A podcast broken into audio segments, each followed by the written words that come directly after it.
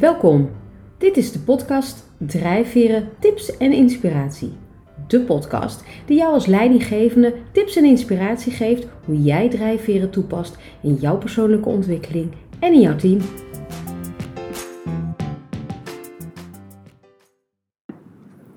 Wat ontzettend leuk dat je weer luistert naar deze nieuwe aflevering. En uh, ja, ik zeg het volgens mij wel vaker in de podcast, maar ik waardeer het echt enorm dat je elke keer weer de tijd maakt om te luisteren. En ik hoop je deze keer wat te kunnen vertellen over uh, echte people manager. Want um, nou ja, dat, weet je, dat is zo'n term die we altijd gebruiken, maar uh, niet iedereen is een echte people manager. En dat kan ik je natuurlijk helemaal vertellen vanuit de drijfveren. En ehm, nou, het was grappig, want ik, ik sprak laatst een manager die enorm baalde van zijn baan. En ook zei, ja, ik moet er toch nog eens even uh, tijdens de vakanties goed over nadenken of ik, uh, of ik hier wel mee door wil gaan. Want hij was echt helemaal klaar met zijn team. Althans, hij ging klaar met zijn team, hij was klaar met, met zijn baan. Hij zei, het is gewoon te veel. Uh, mijn team is een hele korte tijd verdubbeld, meer dan verdubbeld zelfs. En ja, hij was zo eens een beetje aan het nadenken en dacht, ja, wat maakt nou mijn baan niet leuk? Nou, dat was dat hij eigenlijk niet echt meer aandacht had voor zijn mensen. En um, nou, het nu zo'n groot team aan te sturen dat um, er gewoon geen aandacht meer was voor de mensen zoals hij dat voorheen deed. En um, nou, dat was niet alleen hemzelf opgevallen, maar uh, zijn medewerkers misten dat ook. want voorheen had hij altijd tijd, altijd even een praatje.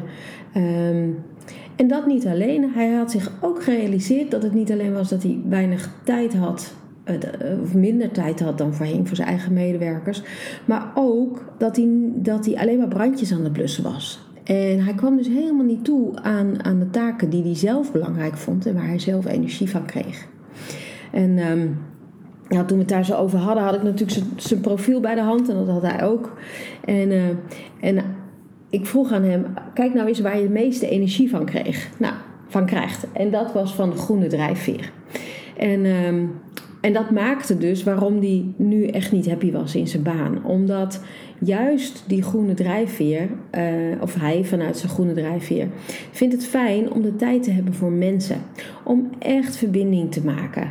Um, om oprecht geïnteresseerd te zijn in de ander. En nou, precies te weten waar, die, waar die ander dan mee bezig is, waar zijn medewerker waar, mee bezig was. En dat hij ook wist: oh ja, uh, jouw vrouw ging toch naar het ziekenhuis, hoe is het daar nu mee? Uh, is, je, is, je, is je dochter nog geslaagd?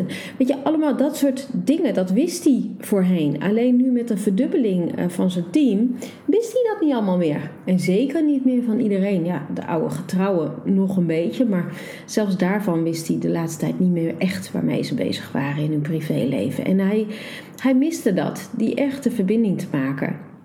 Um, en ja, hij kwam, hij kwam amper uh, achter zijn laptop vandaan, um, sprak zijn mensen, maar even, nou ja, ik zou zeggen, dat is dat spreken, maar uh, appberichtjes, even snel via Teams, maar een echt gesprek, um, zoals hij dat voorheen had, uh, ja, daar kwam hij eigenlijk niet meer aan toe.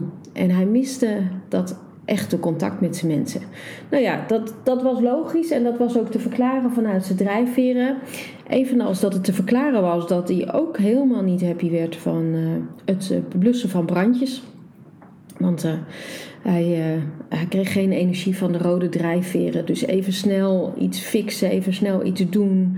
Uh, ja, daar werd hij eigenlijk ook niet blij van. En dat waar hij wel blij van werd, zijn groene drijfveer en de echte verbinding, daar had hij geen tijd voor.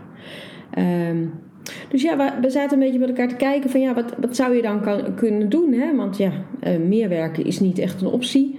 Um, um, want uh, ik wil zeggen, meer werken is niet echt een optie. Tuurlijk kun je altijd meer werken, maar uh, een dag heeft nou eenmaal 24 uur en daar kon ik er ook geen 26 voor maken.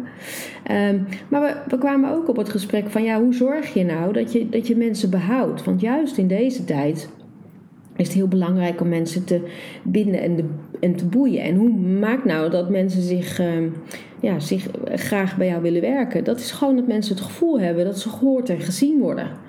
Maar ja, als je, hè, zoals hij, uh, van alles doet behalve wat je kerntaak is als leidinggevende. En ik denk dat je kerntaak als leidinggevende is aandacht voor je mensen te hebben en hun te zien um, en hun uh, te horen en ze zorgen dat ze zich gezien voelen. Maar ja, hoe doe je dat dan? Nou ja, daar heb ik natuurlijk ook geen panklare oplossing voor. Hè. Ik zei net al, ik kan er ook niet voor zorgen dat uh, van uh, de dag die 24 uur is, dat ik er ook even 26 van maak, zodat je daar meer tijd voor hebt. Zo werkt dat natuurlijk niet. Maar uh, het begint natuurlijk altijd wel met dat je je bewust wordt.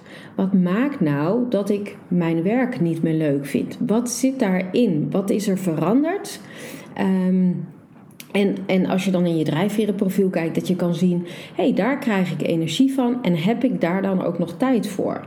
Um, en, en dat was eigenlijk wat ik in eerste instantie natuurlijk met deze leidinggevende deed. Is, is kijk nou eens waarom je het dan niet meer naar je zin hebt en welke aspecten zijn dat.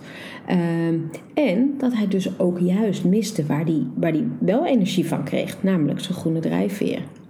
Um, nou, en vervolgens hebben we natuurlijk wel gekeken van, ja, in, hoeverre kan je dat wel weer terugbrengen naar je werk? En dat zijn natuurlijk geen enorme grootste plannen en uh, het roer 180 graden om. Ik denk ook dat dat helemaal niet werkt.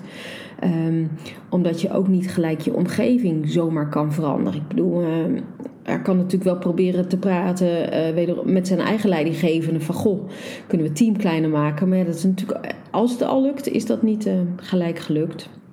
Dus we zaten te kijken welke kleine stappen, welke uh, kleine dingetjes kan hij doen waar hij dan toch wel energie van krijgt. Hè? Is het bijvoorbeeld, en zo zaten we wat dingen te bedenken, hè? is het mogelijk om elke week met een paar van zijn mensen te lunchen? Um, en ja, als je dan elke week met een ander groepje luncht, dan, dan weet je in ieder geval iets meer wat er speelt. En dan kun je daar ook makkelijker op terugkomen. Um, um, wanneer, ik vroeg hem ook, uh, wat is eigenlijk de laatste keer dat jullie een teamuitje hebben gedaan? Nou, dat bleek ook een hele tijd geleden te zijn. Dus uh, zijn dat misschien ook ja, dingen die je dan weer op kan pakken of die je weer kan organiseren om gezellig even met elkaar iets te doen? En, uh, en dat hoeft niet altijd boomstam sjouwen en dat soort dingen te zijn. Je kan ook gewoon zeggen, joh, zullen we eens even een hapje eten met elkaar? Um, en waren er misschien wel taken die hij nu deed, hè, al die brandjes blussen, zaten daar misschien dingen tussen die hij aan een ander kon overlaten, die hij kon delegeren. En dat is natuurlijk nog een andere vraag. Zit je niet te veel zelf te doen? Of misschien je medewerkers ook kunnen doen en wat ze ook nog leuk vinden om te doen. Maar goed, dat was een ander gesprek. We hebben ons eh, beperkt tot waar hij nu uh, zijn energie vandaan kon halen, want dat was hard nodig. Um, en toen hebben we dus gekeken van ja, kan je dan uh, misschien wel taken delegeren aan iemand anders, waarmee jij dan uh, iets meer tijd hebt. En de tijd die je dan vrij speelt, niet weer op, opvullen met allerlei andere dingen. Maar juist dan even kun je kijken of je dan toch een beetje, nou ik zou maar zeggen, op de vloer, maar op de afdeling kan zijn. Hè? Even dat je wel tijd hebt uh, om even bij de koffieautomaat te blijven staan en daar even een praatje te doen. Um, en ook die brandjes blussen, uh, want daar werd hij ook niet gelukkig van. Uh, en dat is nogal rood, snel in actie, beslissingen nemen. En hij wilde graag meer tijd hebben om over dingen na te denken. Dus ja, ik heb met hem ook gekeken van wat maakt nou dat, er, dat er zoveel van die brandjes zijn. Ehm, loop je achter de feiten aan? Ehm, verandert er van alles telkens? Heb je dingen niet voorzien? Waar zit hem dat in? Nou ja, daar, uh, daar waren we nog verder niet helemaal uit, maar daar ging hij over nadenken. Om te kijken van ja, wat zijn nou eigenlijk die brandjes? En komt dat dan uh, omdat, hij, omdat hij achter de feiten aanliep? Of waren misschien sommige dingen niet eens zo urgent? Want daar kwamen we ook op. En ik, je kent vast wel het kwadrant urgent en, uh, wat was het ook weer? Urgent en, en belangrijk. Hè? Dat als het urgent is en belangrijk, dan moet je het zeker doen. Maar heel veel zaken zijn wel belangrijk, maar niet urgent. Uh, of zelfs niet belangrijk en ook niet urgent. Maar dan denk je, laat ik het maar snel doen, dan is het maar gedaan. Uh, maar het is natuurlijk ook een illusie dat, dat je alles gedaan krijgt. Dus uh, nou ja, daar hebben we het over gehad. Ik dacht misschien leuk om even met je te delen, want in dit geval was deze manager een echte people manager. Hij werd echt blij van die groene drijfveer. En, uh, ja, en als je dat niet meer terugziet in je werk, dan, dan moet je toch even gaan kijken hoe, hoe, krijg, hoe krijg ik dat weer terug. En wat ik al zei, dat kan met kleine stapjes, het hoeft niet gelijk groot.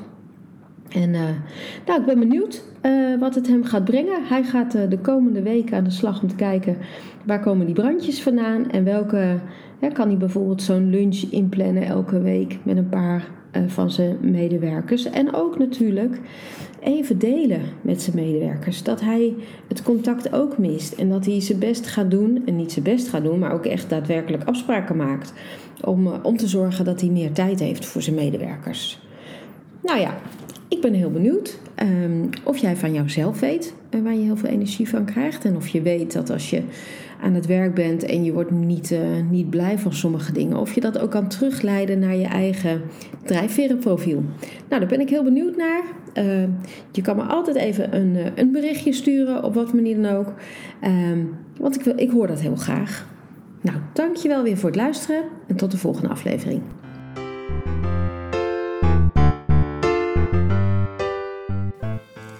Dankjewel voor het luisteren naar deze aflevering. Wil je meer weten over drijfveren? Kijk dan eens even op mijn website www.danielle-elaga.nl Daar staat onder andere een gratis e-book over drijfveren voor je klaar en je kan een gratis test doen over wat drijft jou.